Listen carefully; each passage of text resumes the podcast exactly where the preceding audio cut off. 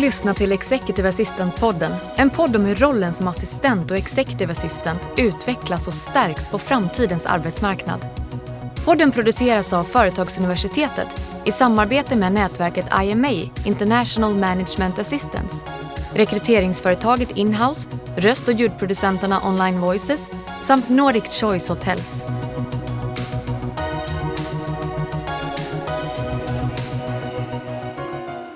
Välkommen till Executive Assistant-podden där vi pratar med världens bästa kollegor om världens bästa jobb. Idag mina vänner ska vi få lära känna en unik individ som opererar inom ett unikt företag. Det är ingen mindre än Filippa Bergvall från H&M som finns med oss i studion. Välkommen Filippa! Tack snälla! Du, CEO Relations och Engagement Lead är din titel. Ja. Ska vi börja packa upp den? Vad betyder det? Ja, men den är eh, nog lite svår att förstå sig på när man bara läser den rakt av. Men det handlar egentligen om att jag jobbar nu med att försöka positionera vår VD i hennes nätverk, framförallt mm. externt. Mm. Och då har vi kopplat relationsbiten till då nätverk och även interna relationer och sen så då engagement till mer att man har koll på på hennes vardag och manövrerar hela den biten. Mm. Det är ingen, inget ansvar som man bara liksom trillar över på gatan. Så hur, hur kom det sig? Nej, men det kom sig för att jag, jag började som assistent mm. till vår VD mm. eh, och jobbad, har jobbat med henne egentligen sedan tre månader innan hon gick på den här rollen mm. på H&M. Eh, och det har varit en ganska naturlig utvecklingskurva för mig. Mm. Jag har längs de här åren, första året egentligen bara kastas in i det och försöka förstå vad det är man ska göra och hur kan man hjälpa. Eh, och sen därifrån så har, eller ett tankesätt som alltid har funkat för mig är mycket så här, vad tycker jag inte är kul? Mm. Och när man har börjat drilla bort det och inser så här, vad jag är bra på och vad ligger mina styrkor, då har det varit mycket kring kommunikation och mycket kring människor. Mm. Och då har det lett till att eh, ja, men jag försöker fokusera mer på de bitarna mm. kring henne. Mm. Och har det varit, alltså, det låter alltid så stort när man säger har det varit din strategi, men, så här, men har, har, du tänkt på det? Alltså, Okej, okay, jag ska hamra ut det här för att det här är min väg. Nej, nej, alltså, nej inte på det här sättet faktiskt nej. om jag ska vara ärlig. Jag, jag har nog alltid tänkt, om jag så tänker tillbaka till när jag var yngre, att mm. jag har velat jobba nära människor. Jag har mm. alltid tyckt eller så här, jag har nog alltid tyckt att min personliga sida och min jobbsida måste kunna gå ihop. Mm. Mitt ID, det är väldigt viktigt för mig att känna att det är samma mm. på dagarna och på kvällarna när jag kommer hem. Mm. Och jag har alltid varit en ganska social filur med mycket så här, ja, men kommunikativa sidor och tycker att det är roligt att vara där det händer och mm. väldigt intresserad av så här, stämningar och hur, hur grupper fungerar. Så att hela den delen har egentligen lett fram till att jag kom på att det passar nog mig ganska bra mm. att hjälpa någon annan att lyckas. Mm. Um, jag är också eh, liksom lagd åt att vara en pleaser, som man mm. brukar säga.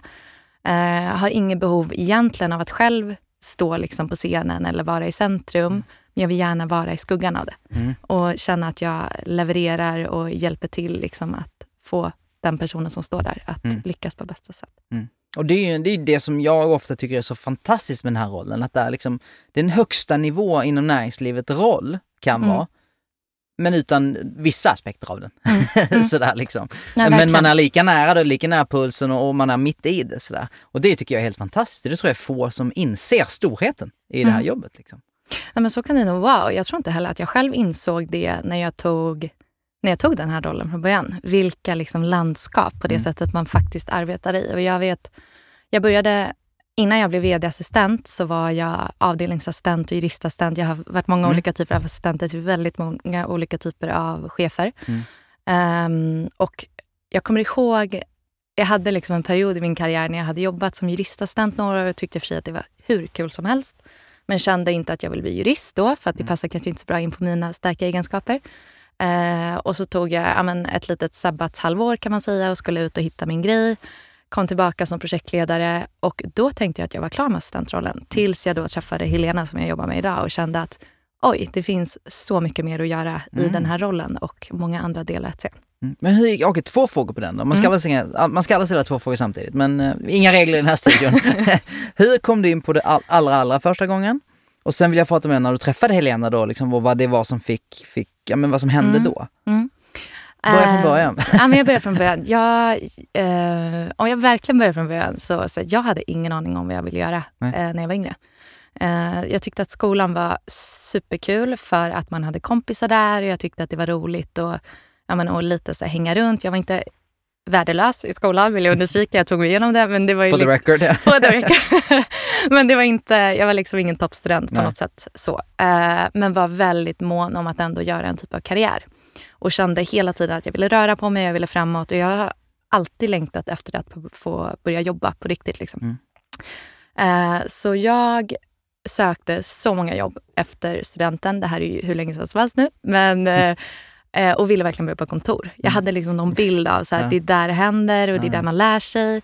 Eh, så jag knackade mig till ett eh, receptionistjobb och sen så efter några år så hörde H&M av sig och då började jag i receptionen på H&M. Okej. Så att jag har varit på H&M sedan 2015 och ja, från receptionen körde jag något halvår, eh, blev inplockad på expansion, jobbade där, juristassistent, jag har varit HR-administratör, projektledare. Ja, du vet, man hoppar runt. Det är ju fördelen med ett stort bolag, att Ja. det finns många vägar att gå, många sätt att testa sig fram. Mm. Eh, och sen när jag, jag minns det så väl, för jag minns när första gången jag träffade henne då efter ett antal år där och jag kände att jag var lite klar med rollen. Inte på något sätt kaxig. Nej. så- Vilken roll var det då? Förlåt. det var då när jag, när jag kände att jag var klar med att vara assistent Ja. generellt. Mm. Lite så här avdelningsassistent. Ja. Eh, så satte jag mig ner med henne i ett konferensrum och det var då när hon, innan hon blev vd. Då var hon... COO Ja. hette det då. Mm. Eh, vi har inte kvar den rollen idag. Men hon, och då bara kände jag så här, hon har varit med om så mycket erfarenheter. Hon kan så mycket om det här bolaget och om världen som inte jag kan. Mm. Och att få chansen att arbeta nära en sån person, Mm. då också man gillar att vara nära människor och hela Ja. den biten, det är liksom världens bästa skola. Mm. Så då kunde jag inte säga nej. Häftigt. Mm. Och vilken saga ändå att du har gått från så receptionen och hela vägen upp i toppen, om man säger så. Ja, ja, ja, ja, jag jag säga vet, men toppen. ge mig storytellingen. nej, men, nej men alltså, jag, ja, men på det sättet känner jag lite Ja. att jag är så uppväxt på H&M. Ja. Att jag har fått se så många delar av, tyvärr aldrig butik. Det Nej. är någonting jag verkligen kan ångra idag. Men, jag, men ändå så här, många delar av kontoret. Eh, och det känns verkligen som en andra familj Mm. för mig. Och nu jobbar du då, och förresten på expansion, jobbar inte Karl-Johan på expansion då? Han har gjort det. Ja. Jag missade honom där. När jag var Okej. där så jobbade han som vd. Ja. Eh, ja.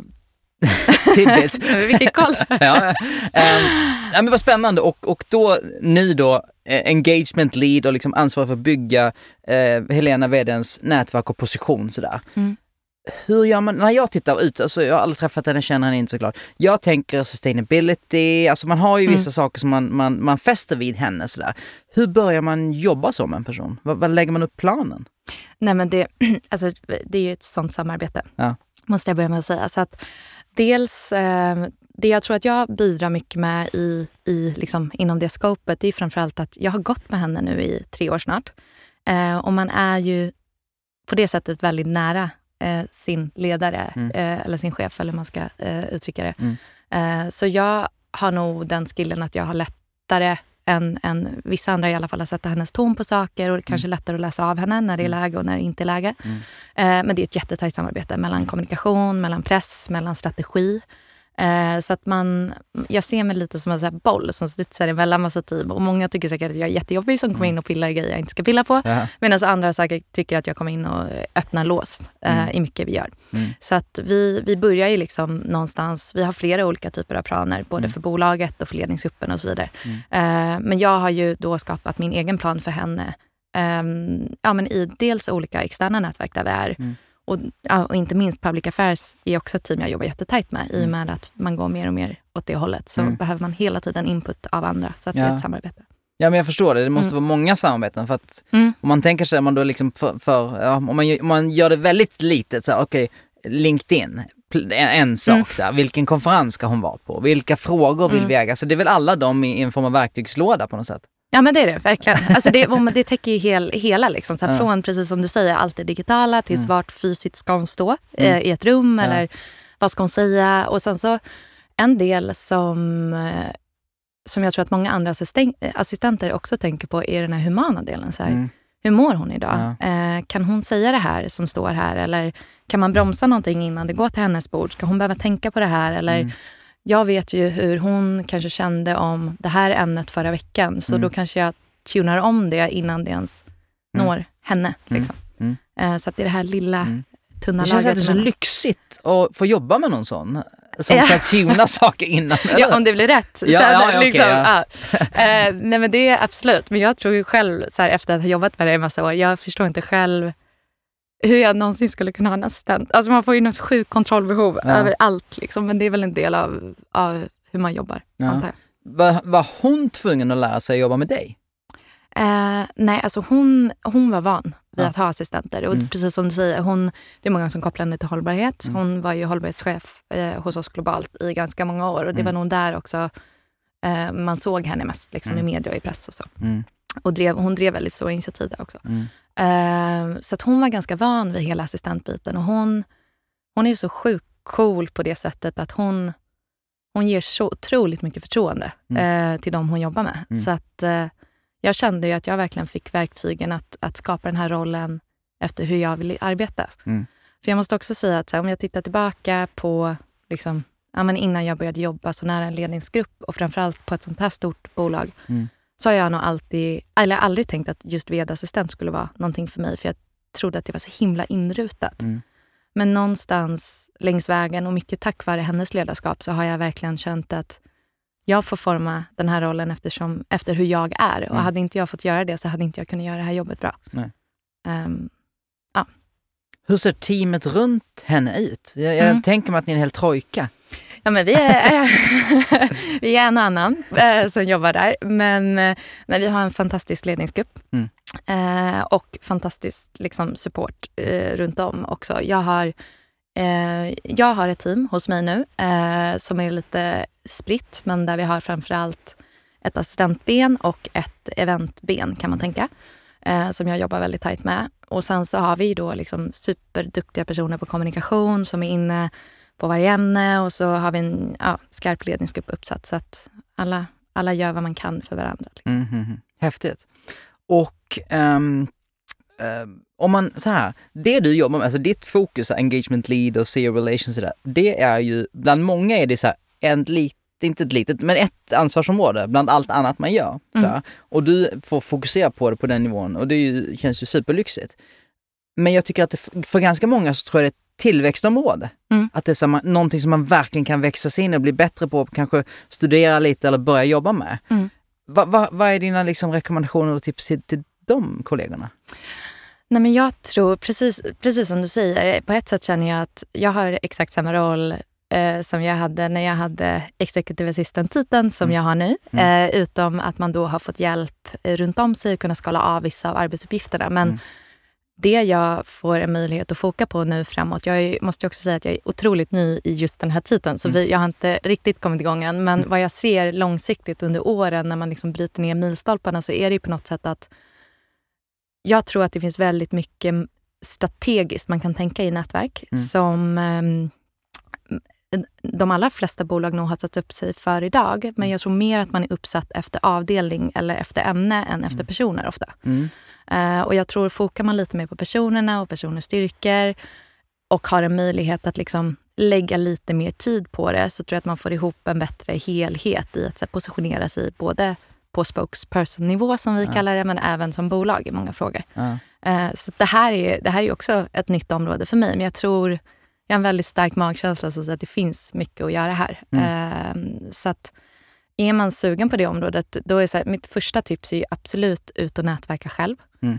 Eh, det är jättesvårt ibland. Eh, och jag tror också att det kan vara extra svårt för, för eh, personer i våra roller för att man är så van vid att göra saker för andra och inte lika mycket för sig själv. Mm. Så att verkligen ta, ta på sig den hatten och försöka göra det utifrån sina egna förutsättningar. Det finns liksom Mm. inte rätt eller fel. Nej. Jag tror många också har en så här misstolkning av att nätverka är att man måste vara på ett visst sätt. Eller Mm. att man måste vara den som kan stå på scenen eller man måste vara den Ja. som, som kan eh, hålla lådan i ett rum. Mm. Och det, så behöver det verkligen inte vara. Eh, utan det handlar mycket om att stärka sin förståelse kring, kring både människor och många områden. Mm. Eh, så det är väl ett tips. Att så ut, ut och testa själv Mm. och sen haka på din VD. Jag lär mig Mm. så mycket av att bara gå bakom henne Mm. och att verkligen så våga ta den platsen och Mm. ställ frågan. Det finns absolut tillfällen det inte fungerar eller det inte passar. Men jag tror att om man vågar fråga så inser man att de allra flesta gångerna så är det ett positivt ja. Mm, Liksom. mm. För visst kan man tro att det blir viktigare och viktigare för att vi är lite så personlighets eh, junkies, Ja, alla av mm. oss. Så, här. så hur vd eller chef, vem det nu är, framstår och, och ma- marknadsförs och kommunicerar kan ju mycket väl bli viktigare och viktigare. Mm, Och en, en absolut. större del av rollen. Och det tror jag, det är precis det du säger nu, det tror jag, det, om man bara tittar på influencertrenden. Mm. Nu är det på ett sätt en liten löjlig jämförelse kanske, men Mm. man ser ju ändå att vi går mot ett samhälle som är mycket mer individanpassat. Mm. Och jag tror absolut att det här gäller för även vd och Mm. ledare, samma sak med politiker. Mm. Det finns må- många som påstår också att för att eh, vissa politiska partier har fått en starkare talesperson får de flera... Och det, Mm. finns, det finns någonting i det som jag inte tror att man ska underskatta framåt. Så, Jag är helt säker på att ni, alltså, om man skulle intervjua, och det gör ni säkert, eh, nyrekryt, alltså för folk som börjar jobba på H&M så är säkert fler ni än innan som, som säger, "Ja, men jag vill jobba för Helena, du vill lära här. Alltså, Mm. Att det finns en, en dragningskraft i led, kan bortse från henne, men generellt sett en dragningskraft i en positiv eh, ledare, liksom, Ja, om man ja. gör det jobbet. mm, absolut. Um, absolut. mm. Man väljer efter ledarskap ofta. Ja, men lite så. Och, Och jag tror också man har kommit... värderingar. Ja. Ja, värderingar, precis. Och jag tror mycket man har kommit till den punkten där man också vågar säga nej. Om man Mm. känner att ett ledarskap inte passar. Mm. Det har jag känt tidigare, om jag tittar tillbaka i min, i min, liksom under mina år. Innan jag träffade henne så hade jag, det var också en stor del till att jag tänkte att jag var klar med assistentrollen. Att jag kände att nästa gång, och jag säger det här väldigt ödmjukt nu, men nästa Mm. gång någon väljer mig som assistent, då vill jag välja den personen lika mycket tillbaka. Mm. För att man blir någonstans också mån om att eh, verkligen kunna växa i de styrkor man har. Och jag Mm. tror inte alltid... Om man hamnar med en fel, en fel ledare så tror jag tyvärr inte att den här rollen eh, har samma potential. Nej. Eller samma liksom, utvecklingsfas som den annars skulle kunna ha. Nej, natu- nej, nej, precis. Och, och är inte det den viktigaste saken att skicka med, eh, kanske för allt, alltså yngre människor som är på väg in, att, att, att välja ledare? Verkligen. Speciellt i den här rollen. Det, Mm. det är liksom hela, det är vardagen på något Mm. sätt. Liksom. Och ju, just det här, för jag kan känna igen mig så mycket i det själv när, när jag var yngre, att jag trodde att jag skulle passa ett sånt fack för att kunna vara assistent eller man skulle hämta kaffet på ett visst sätt eller man skulle tjoa på ett visst sätt. Ja, men, ja, ja. Jag var också typ Ja. 20 när jag började så jag, ja, det var, jag var jätteung men det är ju just det här när man är sig själv som den här rollen blir så sjukt kul också. Mm. Så att, eh, ja, verkligen. När är den då som svårast? Ja, men, bra fråga. Ehm, det är en svår roll Mm.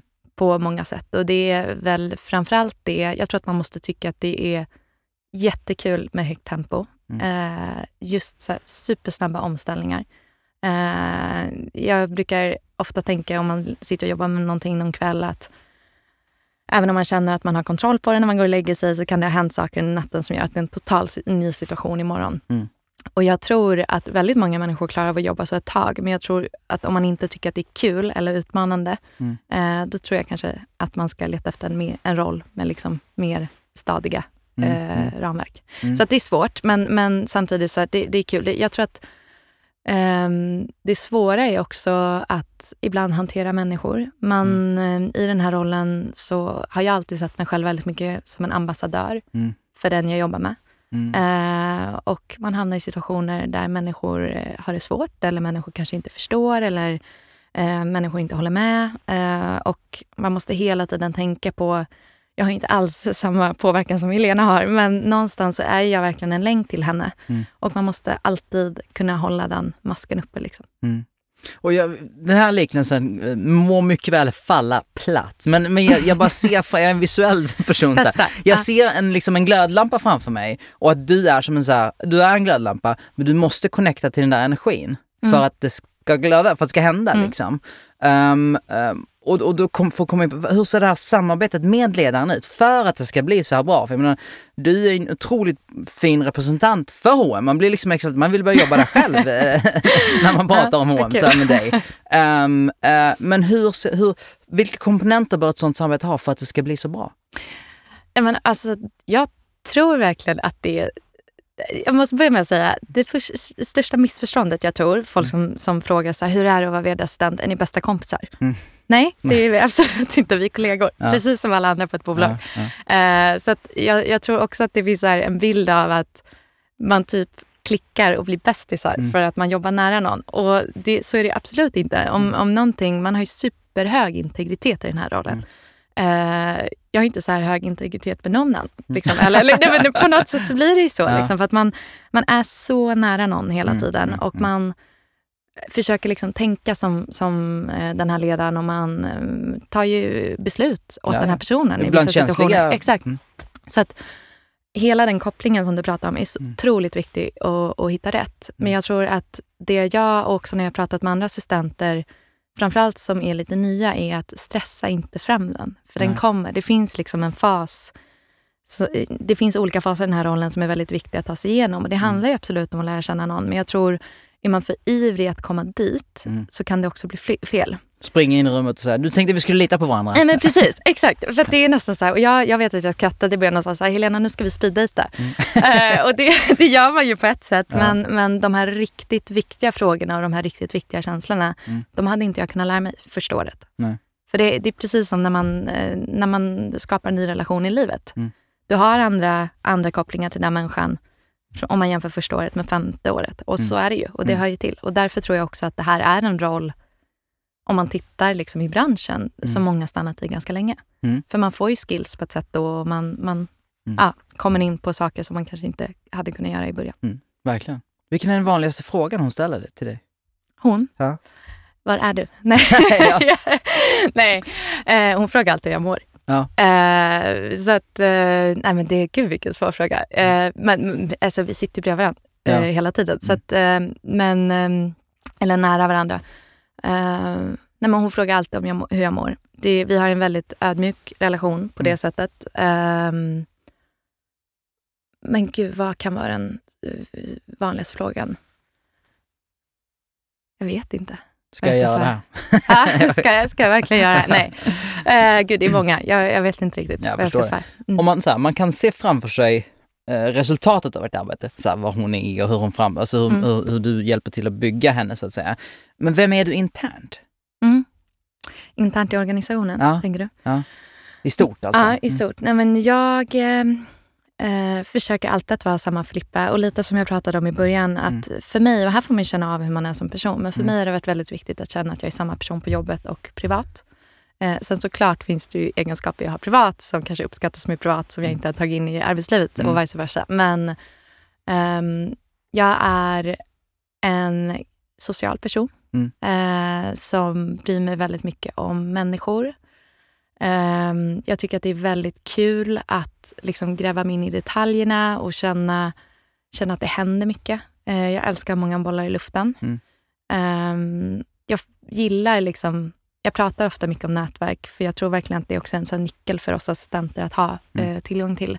Men även det interna nätverket är jätteviktigt. Mm. Jag försöker hela tiden att hålla mig i olika delar av organisationen som jag kanske inte träffar på daglig basis också för att försöka förstå Mm. hur känner folk här eller vad, vad är snacket i korridoren? För att Mm. de sanningarna är är osäker på hur mycket som kommer liksom, till, till de olika delarna. Så Mm. det ser jag också som, som en stor del av mitt roll. Att här, ha örat mot rälsen, vara ute i organisationen, eh, förstå vad det är, var, vart är folk någonstans. Mm. Liksom. Ja men det är härligt och alltså, jag, jag, jag tänker på att du, jag, du vet, en översättning som jag inte vet om den håller, men vissa säger att man har, bär hjärtat utanför kroppen på något sätt. Att man, att man är liksom sig själv och personlig och att, att det känns i kraftfältet. Så upplever jag verkligen dig. Och då kommer jag tänka på, liksom så här, vad, vad betyder jobbet för dig? Det här jobbet? Nej men alltså allt. Det är l- löjligt svar. Jag, tänkte, jag, jag satt och tänkte lite på det innan. Mm. Eh, men jag, jag kopplar mig själv väldigt mycket till eh, vem jag är på dagarna och hur jag levererar på dagarna. Mm.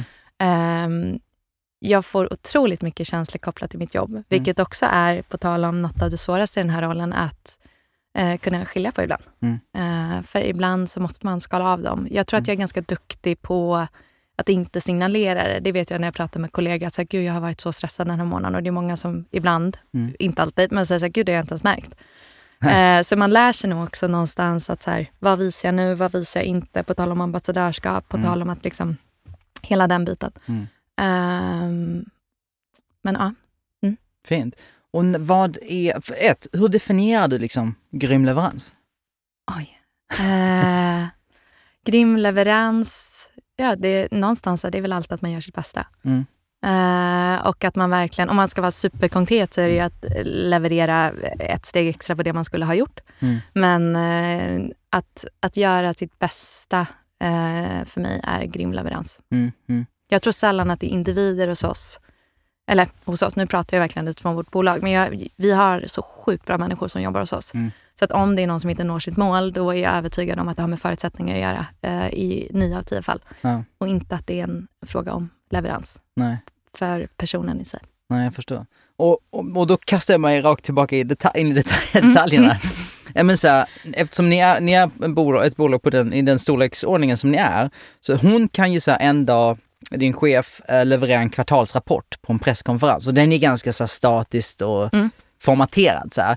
Tänker du på den då? Är det så här, vad är det för ljus här? Eller, vad- alltså, förstår du vad jag menar? Och sen finns det en längre strategisk, liksom, okej hur ska vi positionera oss i hållbarhetsfrågan i den regionen och sådär som är mer Mm. long term. Liksom. Du, in, du, ser, du har hela spannet framför dig. Ja, ja, alltså, jag, jag, absolut hela inblicken i Ja. det. Och sen återigen när det kommer till typ kvartalsrapporterna Mm. som man absolut jobbar med i alla fall upp, upp till dem. Sen Mm. är det ju i slutändan bara hon som kan gå ut där och leverera. Mm. Eh, där är vi ett jätteteam som jobbar. Men där sitter många i mitt team och jobbar mer konkreta i, i, eller i mer konkreta uppgifter kring de Mm. delarna. Men man är alltid med på något sätt i ett hörn. Mm. Eh, för där hon är, är jag. Eh, i, många, I väldigt många fall i alla fall. Ja. Ehm, ja, och då även när det kommer, det, det är en så hög och låg roll. Det kan Mm. jag tycka är fantastiskt. Att Mm. det är så här, ja, men från att man sitter vid datorn och läser manus till att man ehm, har ett stort event och vi måste få till en outfit. Mm. Eh, Mm. Och det är det skärmen i att, Ja, ja, att jobba så här med någon. Att Ja.